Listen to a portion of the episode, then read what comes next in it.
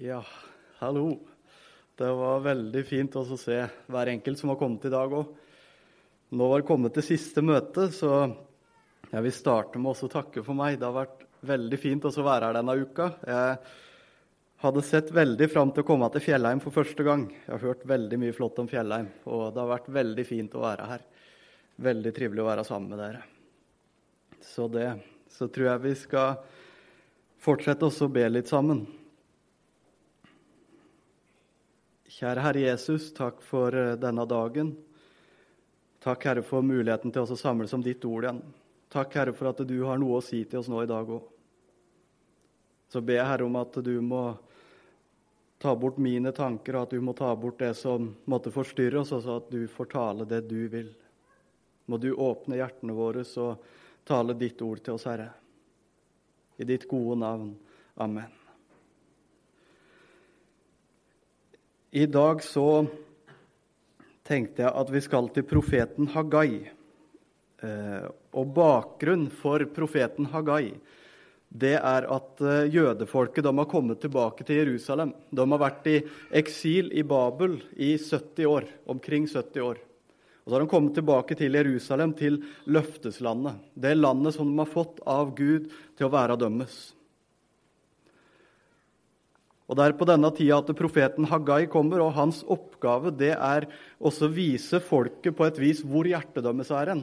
Også vise folket hvor hjertet burde vært hen, eller hvor Gud ønsker at de skal være, og hva som skal være nærmest hjertet deres. Og Profeten Hagai han kommer med et budskap om å kalle folket til iver, og kalle folket til å leve hos Gud og leve med Gud. Og være nær hos Han og følge Han. Og Det budskapet det som Hagai kom med, det er veldig tydelig. Eh, en veldig tydelig oppgave han har. Dette er altså rett etter hjemkomsten. Eh, og umiddelbart når jødene har kommet tilbake igjen, når de blir befridd fra Babel og kommer hjem til Jerusalem, så, eh, så hadde jødene en voldsom iver etter å ha en rett gudsdyrkelse. Og det var en iver i folket etter og bygge opp igjen tempelet, bl.a. At de kunne få satt i stand alt, sånn at det kunne gå tilbake til den ordninga som var før. At de kunne tilbe Gud på det viset som var rett, sånn det skulle være. Og De hadde en voldsom iver, og de hadde et ønske om å få bygd opp igjen tempelet. Og Så går det en periode, og så er det noen av jeg mener at det var kongene rundt Jerusalem og rundt Israel som eh, får ordna i stand at det blir et forbud det blir satt ned forbud for jødene om at eh, de får ikke lov til å bygge videre på byen. Det blir rett og slett forbudt å bygge opp igjen Jerusalem. Og en eller annen grunn så gjelder det òg, i hvert fall for jødene, så blir det da stopp på bygging av tempelet òg. Så den iveren som de kommer med, den får en stopp. Og de får ikke lov til å bygge videre på byen og på tempelet. Det stopper opp. Og Så går det en stund, og så blir dette forbudet oppheva. Men når det forbudet blir oppheva, så har det skjedd noe drastisk i folket, hos jødene. For når dette forbudet blir oppheva, og at det blir lov for dem å bygge igjen, så er situasjonen i folket at det har blitt åndelig sløvt. De som kom tilbake til Jerusalem med en iver, med et ønske om også å dyrke Gud på rett vis og bygge opp igjen det som har blitt eh, lagt i ruiner. Og så står de nå i en situasjon hvor folket er åndelig sløvt, hvor det har blitt en voldsom forandring. Og Det er dette her som er bakteppet for når Hagai kommer. Det er det som er situasjonen. Det er ikke det at eh, jødefolket har ikke blitt avgudsdyrkere, men de har rett og slett blitt sløve. De er uten iver. Og så har de begynt å komme med forskjellige unnskyldninger på hvorfor det er som det er. Prøver også å forklare og unnskylde seg på hvorfor det har blitt en sånn sløvhet. Og Så kommer Hagai inn i denne situasjonen og framfor folket, og så utfordrer han denne åndelige situasjonen som har blitt i folket. Denne sløvheten og mangel på iver som er blant folket. Og Det er spesielt første del. Profeten Hagai det er kun to kapitler. Og Spesielt det første kapitlet det henvender seg til denne likegyldigheten som har forplanta seg igjennom folket, igjennom Guds folk. Vi skal lese i Hagai 1. Der leser vi vers 2-8. Så sier Herren, herskarenes Gud. Dette folket sier, tiden til å bygge Herrens hus er ennå ikke kommet. Da kom Herrens ord ved profeten Hagai. Er det tid for dere til å bo i bordkledde hus, mens dette huset ligger i ruiner? Nå sier Herren, herskarenes Gud, legg merke til hvordan det går dere. Dere sår mye, men høster lite i hus. Dere spiser, men blir ikke mette. Dere drikker, men slokker ikke tørsten. Dere kler dere, men ingen blir varm. Og den som tjener for lønn, får lønnen i en pung med hull i. Så sier Herren, herskarenes Gud, legg merke til hvordan det går dere. Gå opp i fjellet og hent tømmer. Bygg huset. Så vil jeg ha behag i det og herliggjøre meg, sier Herren. Vi skal legge merke til i denne teksten hvem det er som taler. Vi skal legge merke til hvem det er som snakker her. Og Det første vi møter, det er at dette folket sier. Legg merke til den. Dette folket sier. Hva er det folket sier? Jo, han sier at tida til å bygge Herrens hus, tida til å bygge opp igjen tempelet, den er ennå ikke her. Det var liksom ikke viktig. Ikke nå. Det er ikke nå den tida er der. Det er det folket har å si. Det er tanken som bor i folket. Og så tenker jeg, hva er det som har skjedd? Hva i all verden er det som har skjedd på disse åra fra de kommer tilbake til Jerusalem, til de står der nå, og så er iveren borte? De som var så oppsatt på å bygge opp igjen byen og bygge opp igjen tempelet, hva er det som har skjedd? Hvordan i all verden kan det samme folket stå og si nå tida til å bygge Herrens hus har ennå ikke kommet? Hva er det som har skjedd? Og Det kan virke som at det er folket sjøl som har bestemt det. Ja, kanskje med hjelp av, en, av et forbud utenfra, men det er folket sjøl som sier det her. Det er ikke noen andre som har sagt til dem at dere skal ikke bygge tempelet nå. Men de sier at nå er ikke tida der. Det er ikke Gud som sier det. Det er ikke andre mennesker som sier det, det er ikke noen konger i et annet rike som sier det. Det er folket sjøl som sier at tida er ikke her nå. Og Så har de funnet noen unnskyldninger på egen hånd, og så prøver de sannsynligvis å forsvare denne påstanden overfor seg sjøl, overfor Gud, overfor hverandre. Tida til å bygge Herrens hus har ennå ikke kommet. Og så skal vi legge merke til det at Gud han er ikke enig. Når vi leser videre her, så ser vi Gud er ikke enig med det folket sier. Og det kan faktisk skje, til og med med kristne, til og med med Guds folk, at vår mening kan være på kollisjonskurs med Guds mening. Vår vilje kan være på kollisjonskurs med Guds vilje. Og det er tydeligvis det som har skjedd her, for Gud er ikke enig. Først så leser vi at folket sier. Dette folket sier. Og så kommer vi videre. Da kom Herrens ord. Der ligger forskjellen. Dette folket sier nå er det Herren, nå er det Gud som taler. Da kom Herrens ord. Er det tid for dere til å bo i bordkledde hus, mens dette huset ligger i ruiner?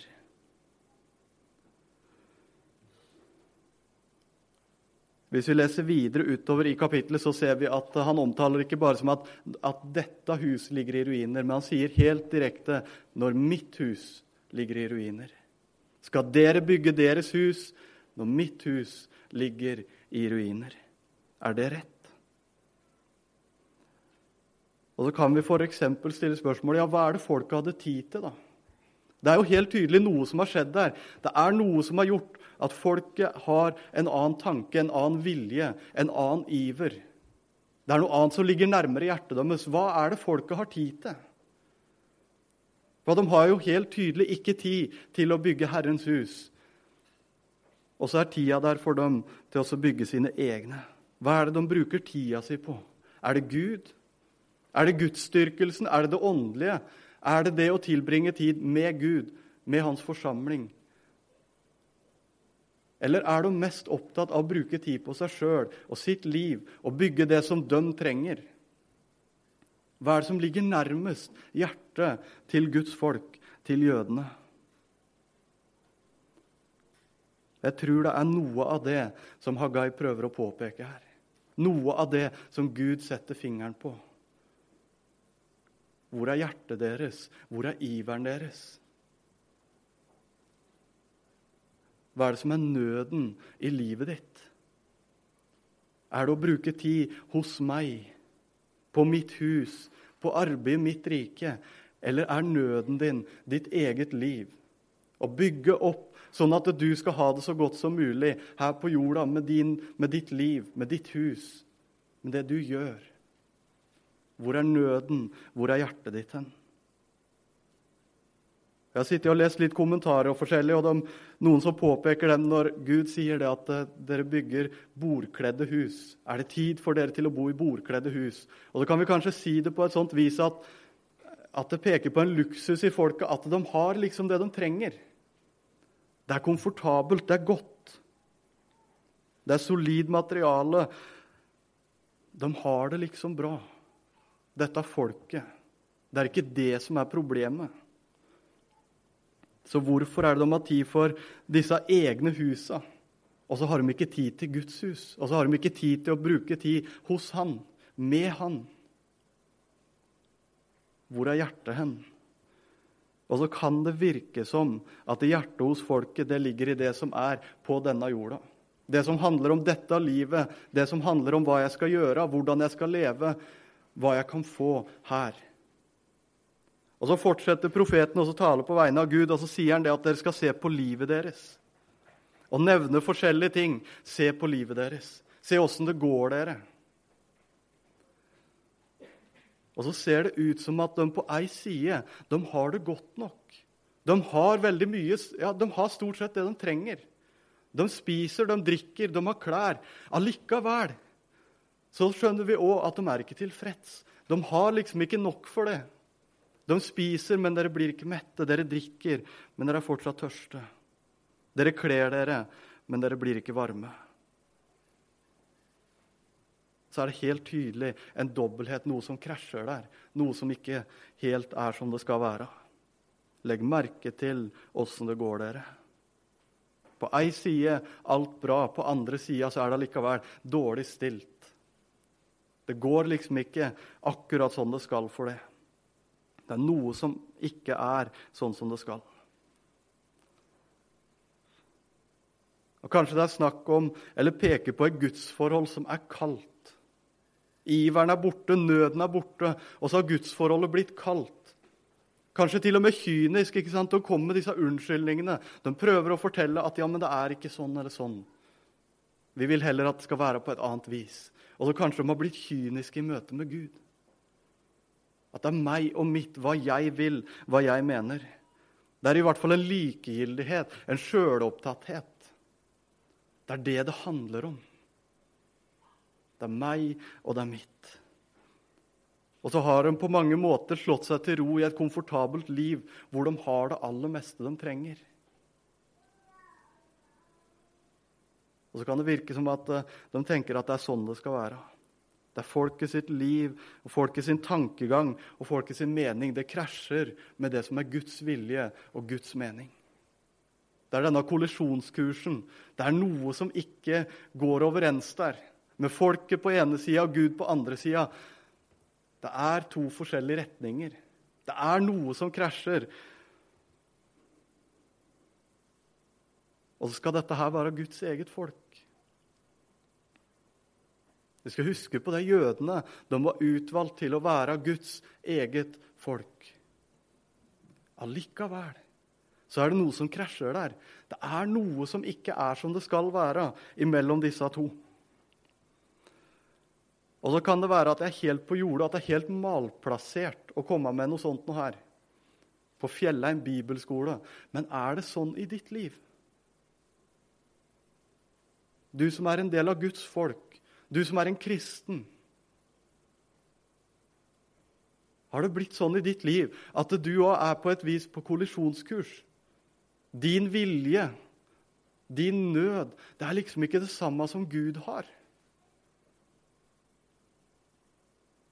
Kanskje det er helt på trynet å stille det spørsmålet her.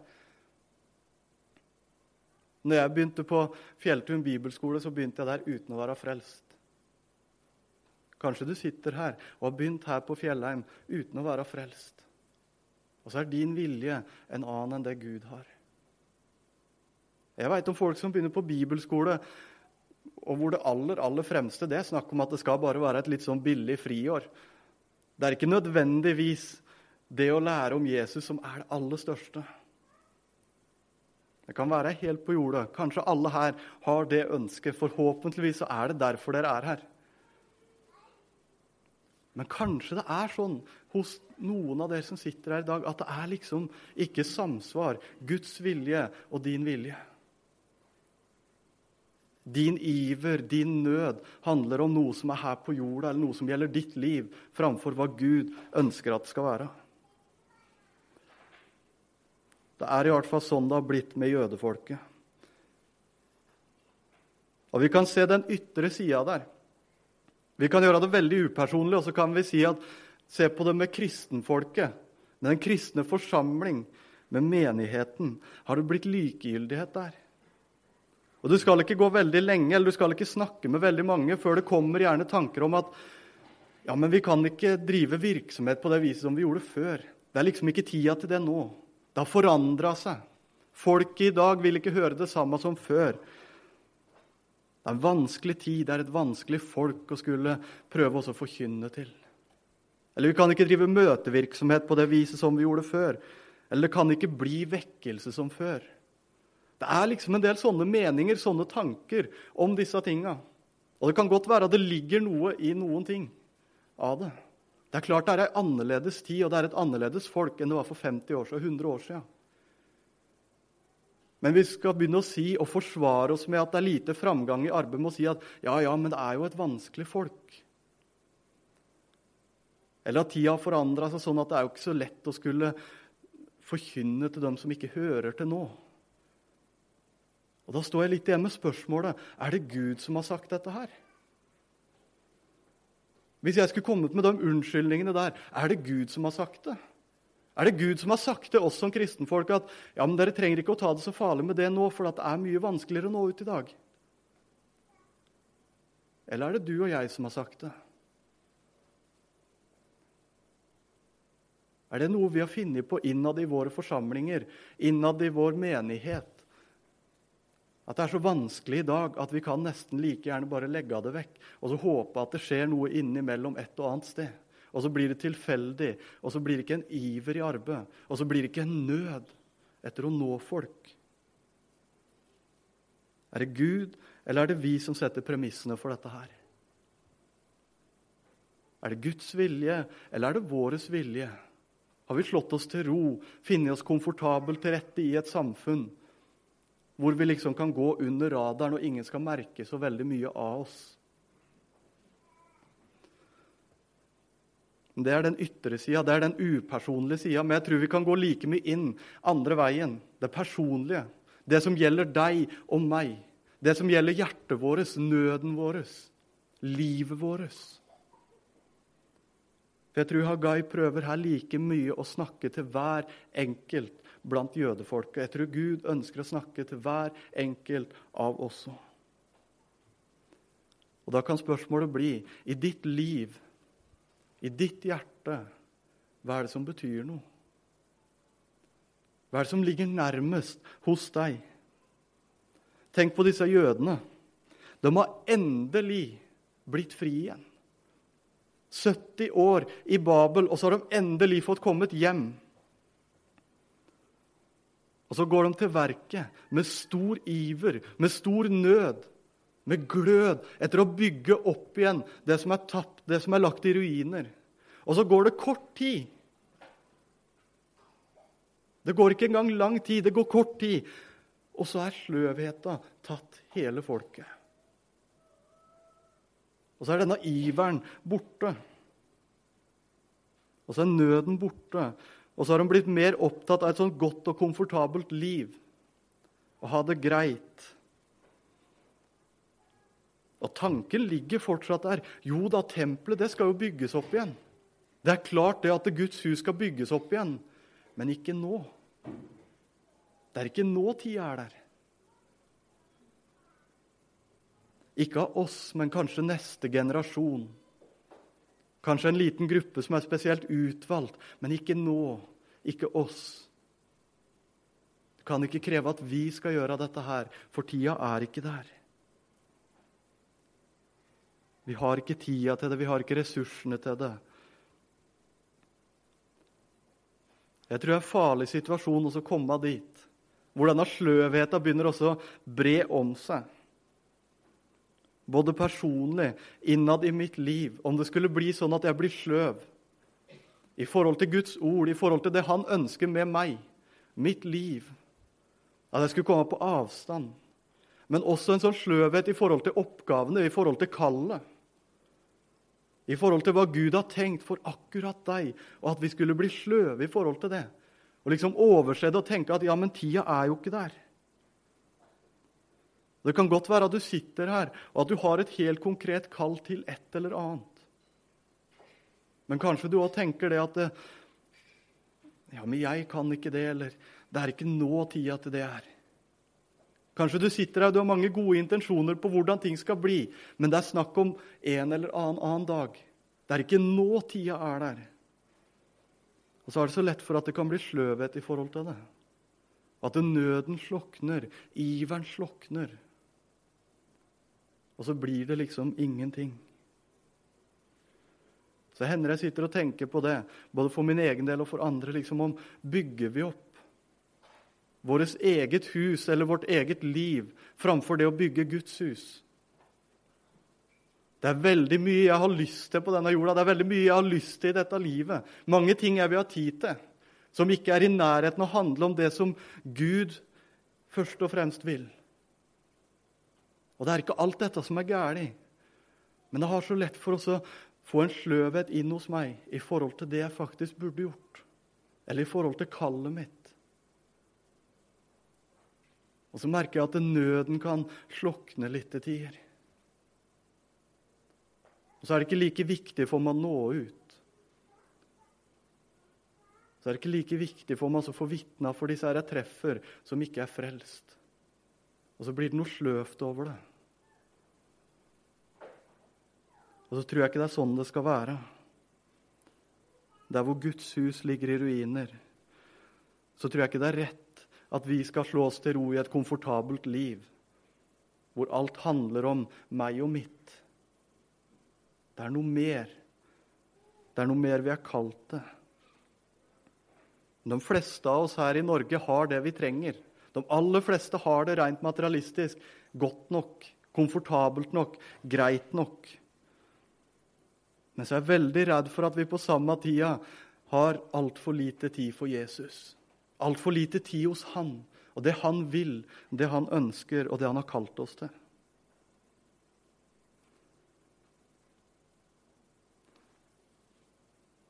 Jeg sjekka opp nå før møtet, og da sto det 1. januar i år. Når vi passerte 1. januar, så var det i Norge 5 165 802 nordmenn. 1.1 i år så var det 72 681 som bor i Tromsø. Det er veldig mange mennesker. Og det er ufattelig mange av de menneskene som går på vei mot en evig fortapelse. Det er ufattelig mange av de menneskene som ikke er en del av Guds hus, som ikke er en del av Guds menighet, som er på vei mot en evig fortapelse. Helt konkret. Og det er mange steder i dette landet,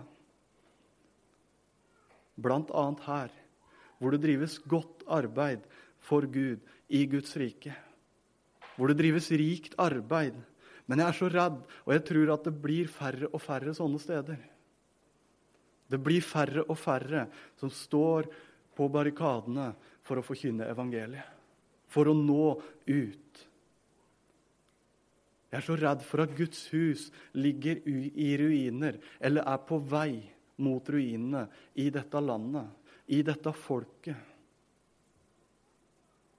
Både personlig og utad. Og det er i hvert fall situasjonen som vi møter hos Hagai. Det er Guds hus som ligger i ruiner, helt konkret, helt fysisk, men også hos folket, blant Guds folk. Og så taler Gud videre til dette folket etter å ha påpekt alt det som er så galt. Alt det som ikke er som det skal. Og så sier Gud videre at nå skal dere gå opp i fjellet, og dere skal hente tømmer. Nå kommer vekkeropet. Bygg huset.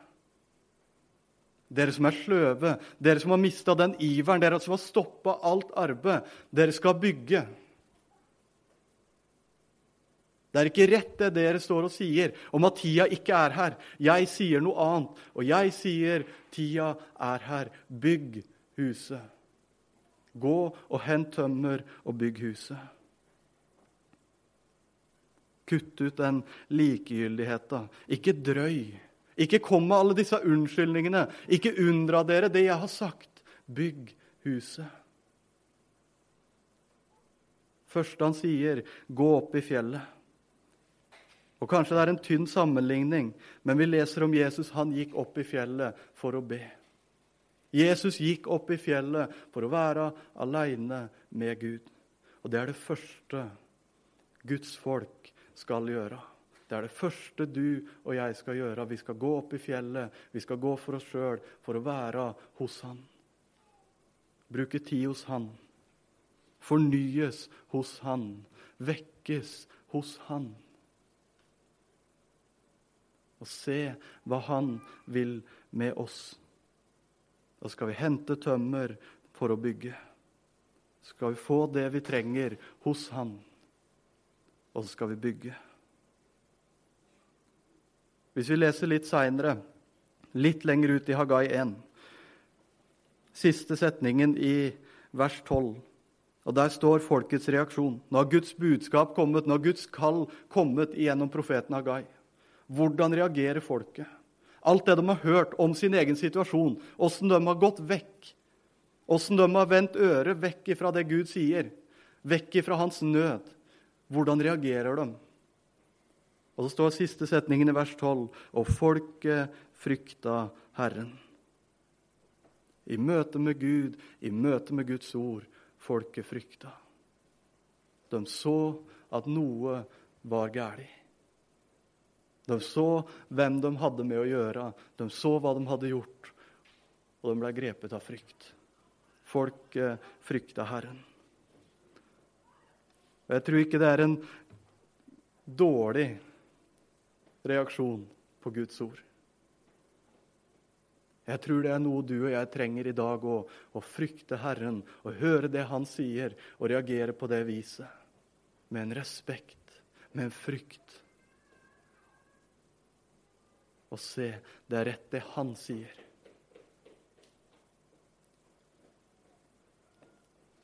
I 1879 i London så var det en eh, velkjent kriminell som het Charlie Peace.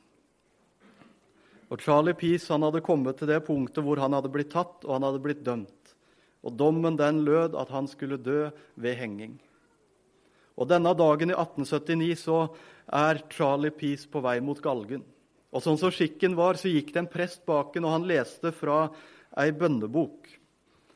Og Der leste han bl.a. det at de som dør uten Jesus, kommer til helvete. Som er evig død uten håp om utfrielse. Idet den setningen lyder ut, så snur Charlie Peace seg. Stopper opp, snur seg rundt, ser på presten og roper til den. Tror du det? Presten står der litt forskrekka. Får samla seg, og så sier han ja, jeg, jeg gjør vel det. Charlie Peace ser rett i øya på han og sier, 'Vel, det gjør ikke jeg.' Men hvis jeg hadde gjort det, hvis jeg hadde trodd på det du akkurat sa, så ville jeg krabba over hele Storbritannia på hender og knær Om det så var lagt glasskår utover hele Storbritannia. Jeg ville krabba over hele Storbritannia om jeg så fikk redda én person fra det du nettopp sa. Og det er situasjonen. Ufattelig mange som er på vei mot akkurat det. Dagens tekst i dag handler bl.a. om Johannes døperen. Og Døperen Johannes han pekte på Jesus. Han gikk rundt og pekte på Jesus for folk og sa hva han hadde gjort for dem. Om en redning. Og Det er akkurat det samme som du og jeg er kalt til.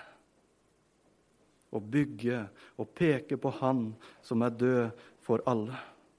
Om vi så bare får være med å redde én en, eneste en fra en evig fortapelse. Fra et helvete som det ikke fins noen utfrielse fra. Åssen er det Hagai avslutter det første kapitlet sitt, vers 14?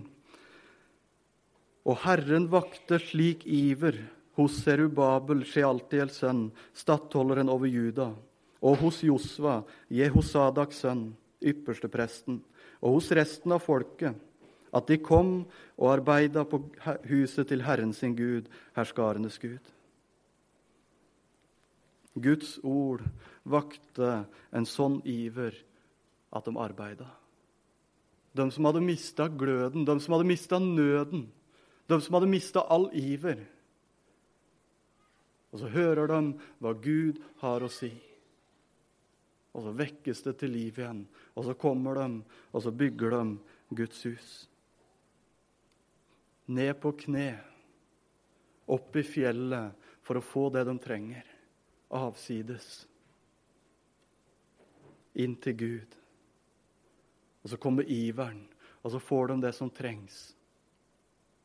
Og så bygger de.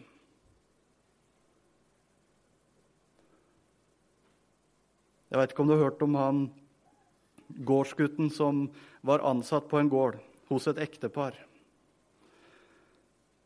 Og Dette ekteparet de ble blei eldre og eldre, og de klarte ikke å holde i stand gården på det viset som det var før. Så gjerdene rundt beitene begynte også å bli dårlig. Hølete og dårlig. Veien var dårlig, det var høl i veien og humpete. Husa begynte å bli falleferdig, takstein var ødelagt, malinga begynte å bli slitt på veggene. Det sto liksom dårlig til etter hvert med denne gården. Og Gårdsgutten han gikk forbi disse husene disse gjerdene sånn hver eneste dag, men han brøy seg ikke noe særlig om det. Han ensa det knapt nok. Han var der kun for å ta seg av dyra og så reise hjem. Men så var det en dag at denne gårdsgutten han ble bedt inn på middag til dette ekteparet. Og Det er mens han sitter der under denne middagen at de sier til ham alt det han har betydd for dem. Den hjelpa han har vært for dem. Og så sier de det at vi har jo ingen arvinger, vi har ingen barn. Så vi ønsker at når vi dør, så skal du ta over denne gården. Da er den din. Og jeg skal si dere det at eh, det gikk ikke mange dager før gjerdene var fiksa opp. Og det gikk ikke mange dager før veien var gruslagt på nytt og fin og slak og ordentlig. Husa var nymalt. Og det neste som var planen, det var å få lagt nytt tak på alle husa. Det skjedde noe med denne gutten når han ble arving. Da var det noe som tilhørte han. Da var det noe han var en del av. Da fikk det en helt ny betydning. Og så sier Gud at igjennom Jesus Kristus så har du og jeg blitt arvinger. Vi er ikke bare noen leiekarer. Vi er ikke bare der for å ta oss av en liten oppgave og gå hjem. Vi er arvinger. Det er våres. Og i det så er vi kalt til å bygge og være en del av det.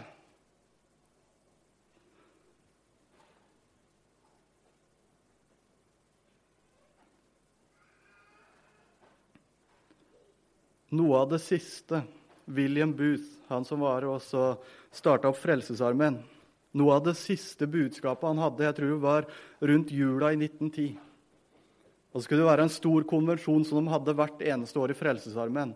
Dette året så ligger han dødssjuk. Han kan ikke være med. Og Tradisjonen var at hvert eneste år så hadde han en hilsning. Men han skjønte at han kunne ikke det i dag. Han kunne ikke det dette året. Men han hadde sagt ja til å sende et telegram med en hilsning til dem. Han hadde ligget en stund og tenkt på hva han skulle skrive til dem, og han kjempa med 'hva skal jeg si'? Og Når denne konvensjonen kommer, og de skal lese opp budskapet fra William Booth, så er det ett ord. Ett eneste ord han hadde behov for å fortelle dem. Andre. Andre. Bygg huset. Det er så mange millioner mennesker som er på vei mot en evig fortapelse. Og vi er ikke kalt til sløvhet. Vi er kalt til å gå. Vi er kalt til å fortelle. Gå opp i fjellet og hent tømmer. Bygg huset. Bygg huset. Og Herren vakter slik iver hos Serubabel, Shealtiels sønn, stattholderen over Juda, og hos Josva, Jehosadaks sønn, ypperstepresten, og hos resten av folket, at de kom og arbeida på huset til Herren sin Gud, herskarenes Gud. Kjære Herre Jesus. Takk for at vi har fått bli arvinger Takk, Herre, for at det er våres. At vi er en del av det. Takk, Herre, for at eh, vi er ikke kalt til å gå ut på vårt eget, eller i egen kraft og i egen styrke, men vi er kalt til å gå opp i fjellet, være hos deg, få hvile hos deg. Og så er det det du gjør, og den iver du tenner, og den nød som du skaper. Og så skal vi få gå og helt enkelt få peke på deg. Må du gi oss en nød for de andre. Må du gjøre det sånn at vi ikke klarer å stå på og se, helt vanlig se på, at folk går fortapt. Men at vi må, at vi må peke på deg, Herre. Må du gjøre det sånn at uh, ditt hus får gå fram og bygges opp i dette landet. I ditt gode navn. Amen.